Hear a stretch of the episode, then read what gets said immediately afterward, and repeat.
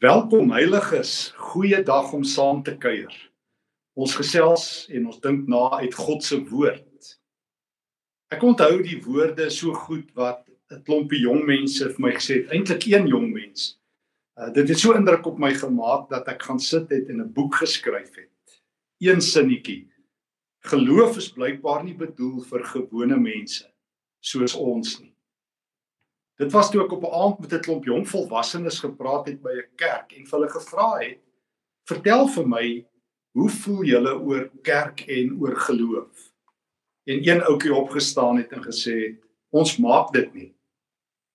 Ek onthou jare tevore toe ek een keer gepreek het by 'n gemeente en ek die oggend daar aankom, loop ek so by iemand verby en ek groet hom en ek gesels sommer so en uh vertel hierdie wild vreemde persoon vir my uit die bloute. Hy sê vir my so tipies soos die jong mense praat. Nou offense, maar vandag is die laaste dag dat ek ooit kerk toe kom. Dis my afskeidsdag van die kerk. En ek is uit die veld geslaan en ek sê vir hom, "Hoekom?" Hy sê, "Jy weet, ek kom al jare kerk toe en al wat ek by die kerk kry is elke Sondag 'n nuwe sak skuldgevoelens. En ek is nou net sat en siek en moeg om skuldig te voel om te hoor ek maak dit nie. Hierdie opmerking en die van die jong mense het my baie diep laat dink oor geloof en oor my eie geloof en oor die inhoud van my prediking. En ek het agtergekom dat baie van my preke en baie ander preke 90%, nee, miskien 89% van preke en boodskappe en wat gelowiges vir mekaar sê is heeltyd die kerk doen te min, te laat en en en 'n uitdaging dat ons nog meer vir die Here moet doen dat ons dit nie maak nie. Dit is nie vreemd nie want godsdiens hardloop nog altyd op hierdie model.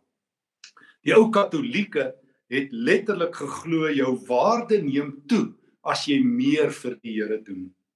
Hierdie teologie was so diep ingebed in die kerk dat dit uiteindelik in die ou Katolieke kerk 'n leerstuk geword die sogenaamde saints, die heiliges wat soveel goeie werke gedoen het dat hulle so hoë waarde vir God het dat hulle alselfs goeie werke kan aangee. Jy ken dalk daardie leerstukke, daardie vreemde leerstukke. En tog het dit ook diep in ons protestante se harte kom lê en diep in ons lewens kom lê omdat so baie preke, so baie boeke, so baie gesprekke, so baie Facebook plasings nou alweer sê Die kerk moet opstaan en die kerk doen te min. Geen wonder nie dat ek so nou en dan uit frustrasie net vir iemand sê soos nou die dag toe iemand weer vir my sê, ons moet nou opstaan vir die Here. Toe sê ek, ek kan nie. Want ek doen dit al lankal. Moet my nie dreig nie. En ek dreig ook niemand nie. Want die evangelie is vir my ten diepste troos. Die evangelie gaan nie oor wat ek doen in die eerste plek nie, maar wie ek is. En dis kontrag godsdiens. Want uh, baie godsdienstiges dink, soos ek altyd sê, jy is so goed soos jou jongste goeie werk en so sleg soos jou mees onlangse sonde.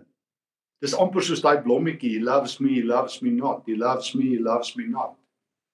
En daarom, daarom sit ons met hierdie twee twee prentjies in ons koppe, baie Christene. Van ja, ek glo in genade, maar die Here kyk my ook uit. En hy kyk my sleg uit en hy kyk my op en af en hy kyk my stikkend en ek is al weer besig om 'n toets te dryf dryp en eksamen mis te loop by die Here of uh, nie te slaag nie. Al het Jesus die eksamen namens ons geslaag. Al het hy alles betaal. Al staan Kolossense 2 vers 14 in ons Bybel dat dat hy die skuldbrief opgeskeur het by die kruis en oor ons lewe geskryf het betaal. Kry ons dit amper net nie geglo nie uh, is ons die heeltyd onder druk om te presteer. Dit gebeur ook in die samelewing. Ek meen ek onthou hoe 'n vriend van my eendag vertel dat hulle daar by hulle werk 'n verskriklike moeilike ou het. En toe gaan kla hulle by die baas oor hierdie ou wat met wie niemand oor die weg kan kom nie. Toe kyk die baas hulle so toe sê hy, ek het hom nie aangestel vir sy persoonlikheid nie. Ek het hom aangestel omdat hy die werk kan doen. Jy jou, jou waarde lê in wat jy doen. God verskil. God verskil. God noem ons in die Nuwe Testament heiliges. Paulus begin al sy briewe geroepe heiliges. En jy het gehoor ek het nou ook begin deur te sê welkom heiliges. O Christene skrik hulle in 'n ander bloedgroep en as jy dit vir hulle sê. Nee nee, ek is nie heilig nie. Omdat die Katolieke dit so verkeerd gebruik het en omdat ons so bang geword het vir hierdie taal. Nee, omdat ons God se hart nie verstaan nie. Kan ons onsself nooit eintlik heiliges noem nie. Eers in die tweede plek sê die Bybel, sê Levitikus, sê Deuteronomium, sê um, sê 1 Tessalonisense 4, gaan leef nou heilig.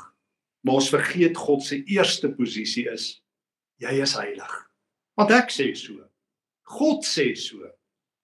God noem nie sy handewerke sondaars as ons gered is nie. Kerkmense praat van hulle self as geredde sondaars, stikkende mense, begenadigde sondaars.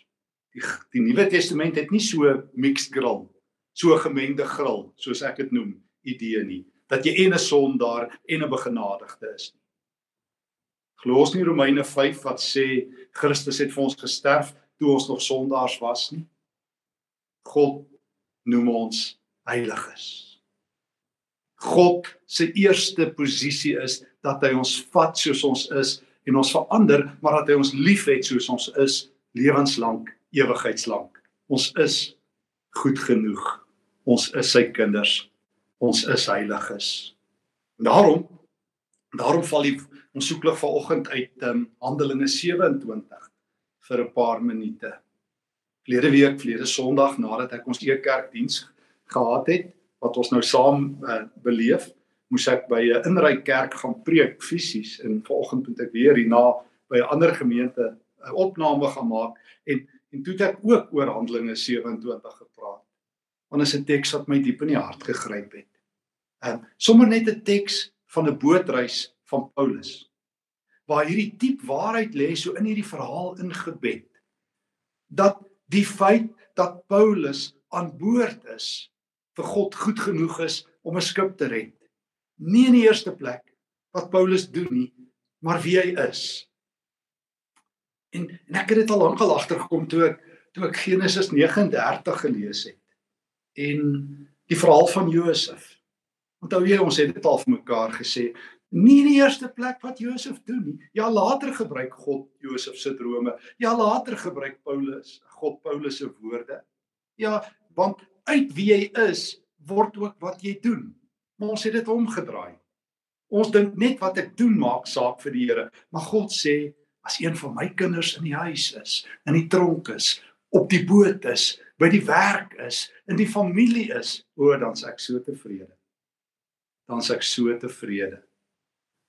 God sê ek dink jy is een van my heiliges en ek noem jou so en ek behandel jou so. En as jy aan boord is, al is jy die enigste heilige, is ek aan boord. En as jy by jou kantoor is en jy's die enigste Christen, dan is ek by jou werk.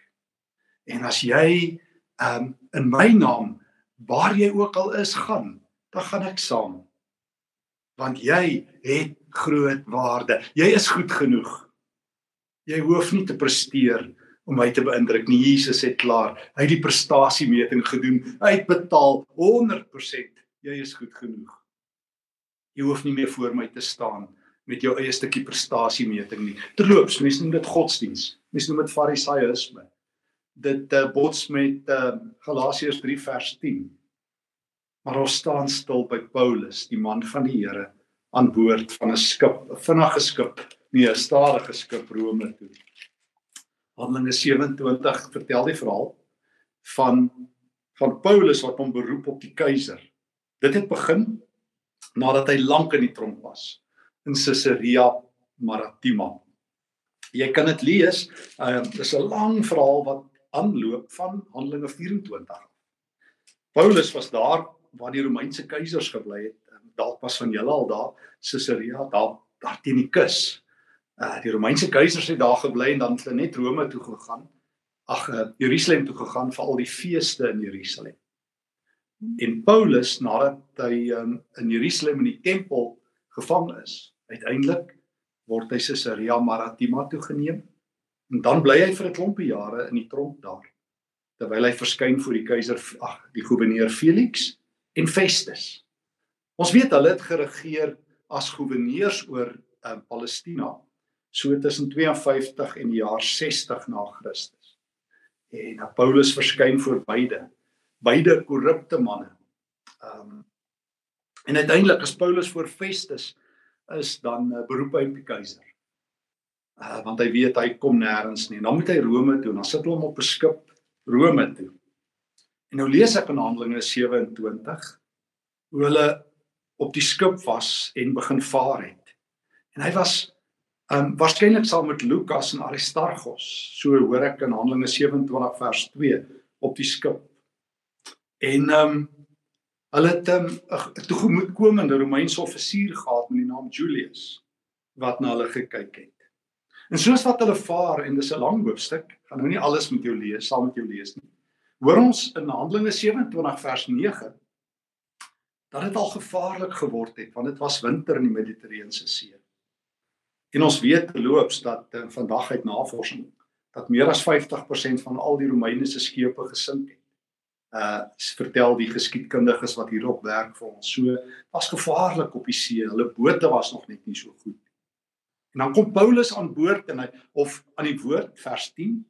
Hy sê manne ek sien ons vaart gaan van nou af gevaarlik wees en dat daar nie net groot skade aan vrag en die skip gaan kom nie, maar ook lewensverlies.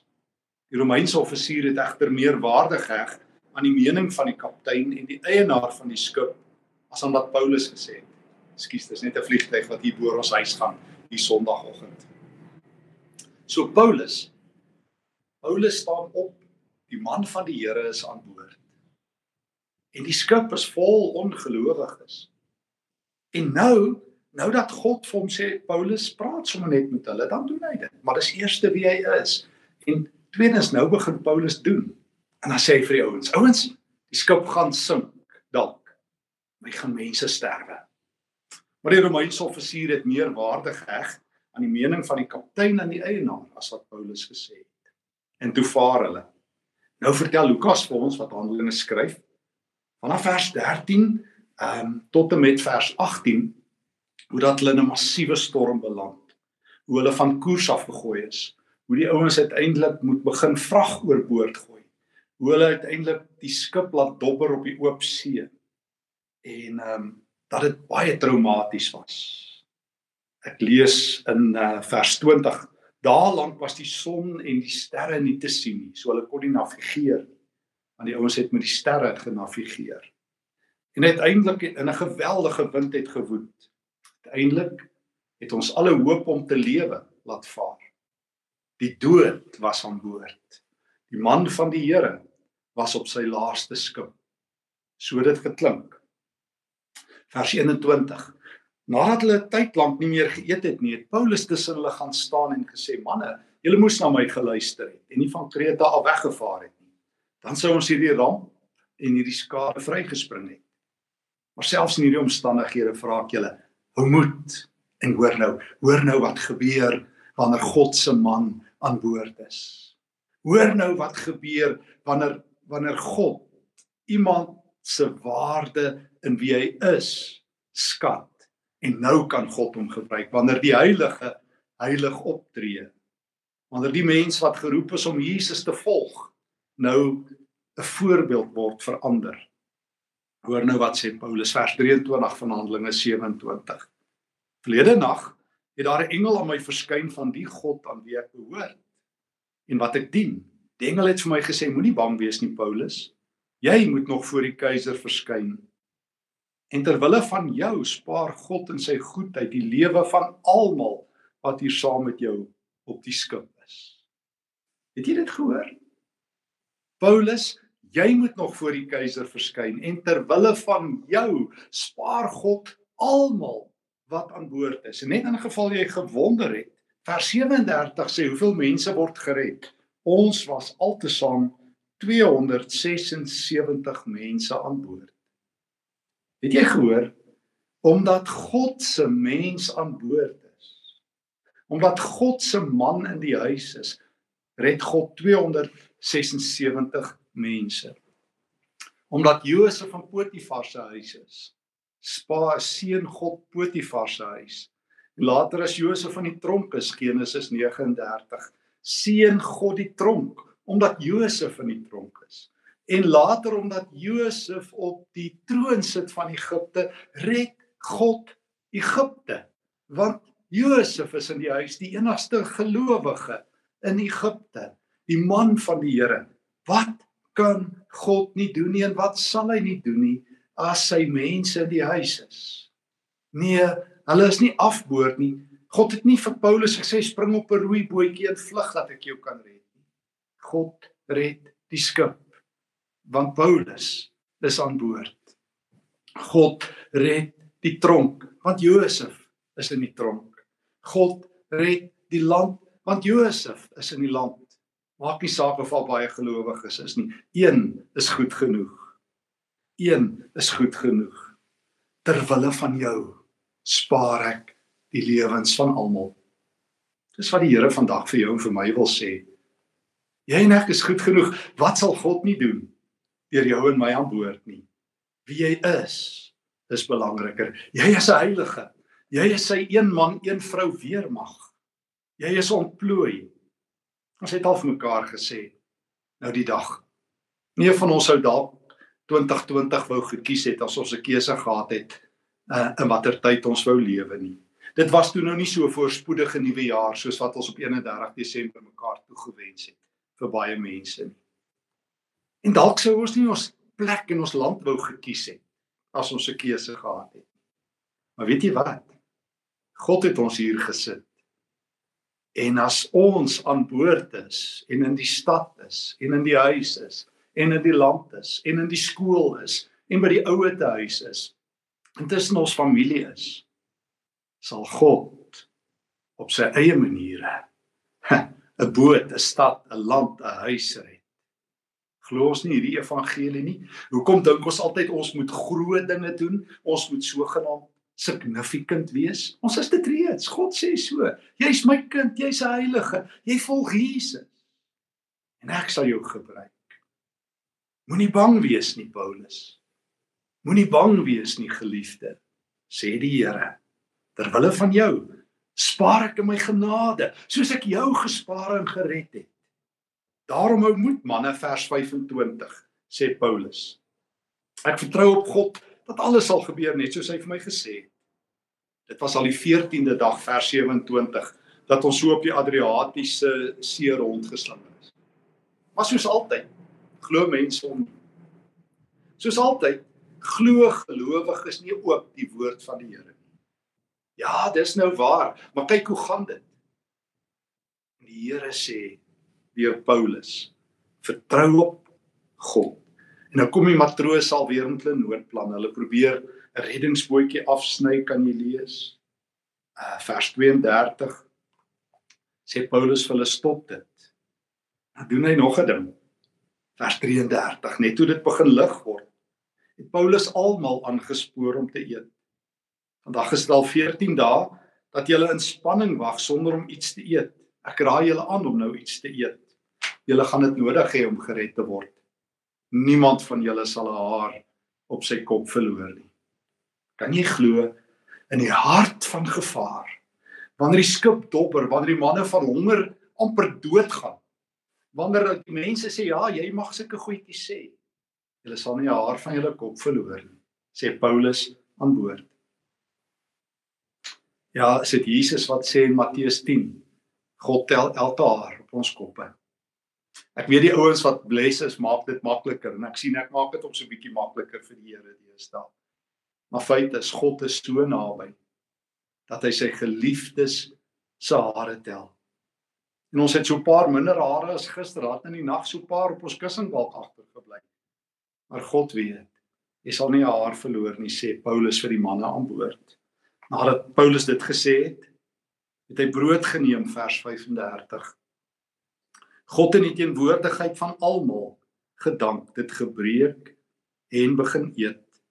Hulle het almal moed geskep en self ook begin eet. Als in 276 mense. Jy kan die verhaal verder lees.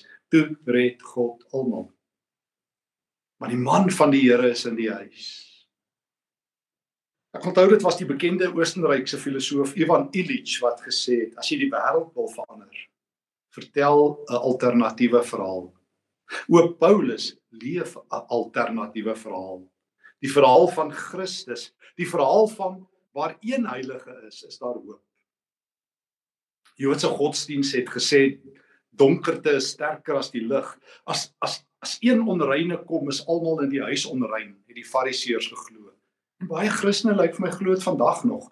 As daar een sondaar en een Satan aanbidder en een new ager is, dan skrik Christen hulle skoon flou. Maar Paulus sê sit bietjie een Christen uh in um in 'n leeukuil en kyk wat gebeur. Kyk bietjie wat gebeur.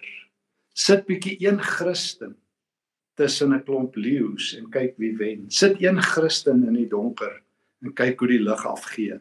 O, maar jy moet dit glo. Toe skep almal moed toe Paulus die brood breek. Dit is eintlik so mooi. Hy gebruik amper die taal van die nagmaal. Dit klink soos 'n gemeenskapsete. Daardie ete wat die Jerusalem gemeente in Handelinge 2 gehad het. Toe breek hy brood. Toe staan hy voor die lewende God, die man van God wat aan boord is. Ons sê vir mekaar vandag jy het groot waarde, ewige waarde. Christus gee daai waarde aan jou. So groot is daardie waarde dat God bereid is om sy betrokkeheid in jou lewe te waarborg met die woorde ek gee vir jou die ewige lewe. Geen voorwaardes nie. Glo in Christus. Jy is myne. Hoe en wanneer dit nodig is, sal sal ek op jou knoppie druk en dan sal ek jou gebruik. Maar my eerste roeping op jou lewe is, my eerste verklaring oor jou, jy's 'n heilige. En daarom as jy vir my heiliges aan boord is, doen ek iets geweldigs. O, ek ken baie sulke voorbeelde in die Ou Testament. Dit herinner my sommer aan aan daardie aan daardie jong meisie in waar's dit in 2 Konings hoofstuk 6 van ehm um, van van van Elisa toe ehm um, Naaman van sy melaatsheid genees is. En hy lees ek daar dat die dat die ehm um, Arameërs op een van hulle strooptog hierdie jonge meisietjie as 'n slavin weggevat het. En haar in die huis van Naaman se vrou, die hoof van die Arameërs se weermag, as 'n slavin gesit het. En dan word Naaman melaats. Maar die slavin is in die huis. Een van God se heiliges is aan boord al skrob sy vloere. En as sy die vloere skrob, hoor sy van haar meesteres se man wat melaats geword het. En dan dan staan sy op soos Paulus net met een sinnetjie. Sê vir meneer hy moet na die man van God toe gaan in Israel. Hy sal gesond word dan van sy melaatsheid. Dis al. Maar 'n jong dogter van God is in die huis. Ja, met 'n nederige werk. Wie dink nou God kan 'n slavin gebruik? En as hy part knoppie druk soos hy een keer op Paulus se knoppie druk in Handelinge 27, dan red hy 'n volk. O, ek blaai aan na waar sit 1 Samuel 19. En ek is in Saul se huis. En Saul beplan om vir Dawid dood te maak. Maar maar daar is een van God se geliefdes saam met Saul aan die tafel, sy seun Jonathan. En hy moet maar net daar wees en En wanneer hy in die paleis is en en God nodig het dat Jonathan nou moet soos die Engelse sê rise to the occasion, dan staan hy op en hy pleit vir Dawid se lewe. Nou gebruik God hom. Maar dit gaan daaroor dat hulle is, dat hulle aan boord is in die tronk is, in die paleis is, in Potifar se huis is, op 'n troon sit, maak nie saak waar nie. Jy het groot waarde jy het groot waarde. Ek onthou daardie jong mense wat vir my gesê het, ons het dit alweer nie gemaak nie, soos wat ek dit in die boek geskryf het. Geloof is blykbaar nie bedoel vir gewone mense soos ons nie. Dit is. Dit is. God meet jou nie aan die groot dinge wat jy vir hom doen nie. Dis maar die kerk wat hierdie taal ontwerp het trouens as ek ons Here Jesus reg verstaan dan dan dan dan wil hy eintlik hê ons moet kleiner word. Ek het deesdae sê ding ek onthou toe ek jonk was en ook uitverkoop was in hierdie idee sê ek ek wil ook nog groot dinge vir die Here doen. Deesdae sê ek vir mense en vir myself kan die Here my vertrou om klein dingetjies vir hom te doen. Kan hy my vertrou om agter in die ry in te val? Kan hy my vertrou soos hy Markus 10 vers 42 sê as jy wil groot wees en as jy wil eerste wees, moet jy die laaste en almal se knegg wees.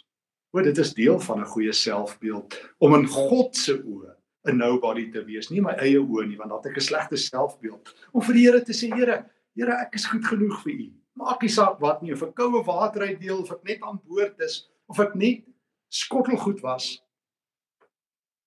Ook hier het my lewe vir U betekenis. Here, ook hier kan U op my knoppie druk. En dan sal ek sê die profeet moet na Aman toe na na uh, moet na Israel toe gaan. Daar is Elisa.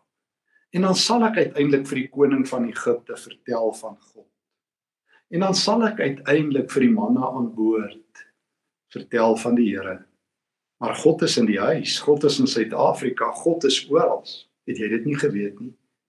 Jy nie geweet jy het groot waarde vir die Here soos jy is nie.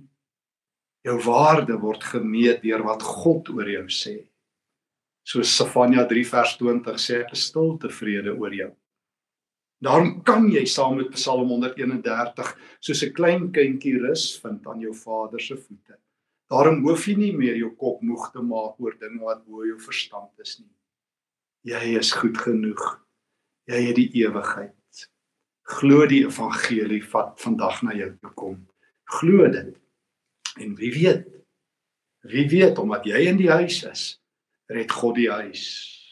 Wie weet omdat jy in die stad is, red God die stad.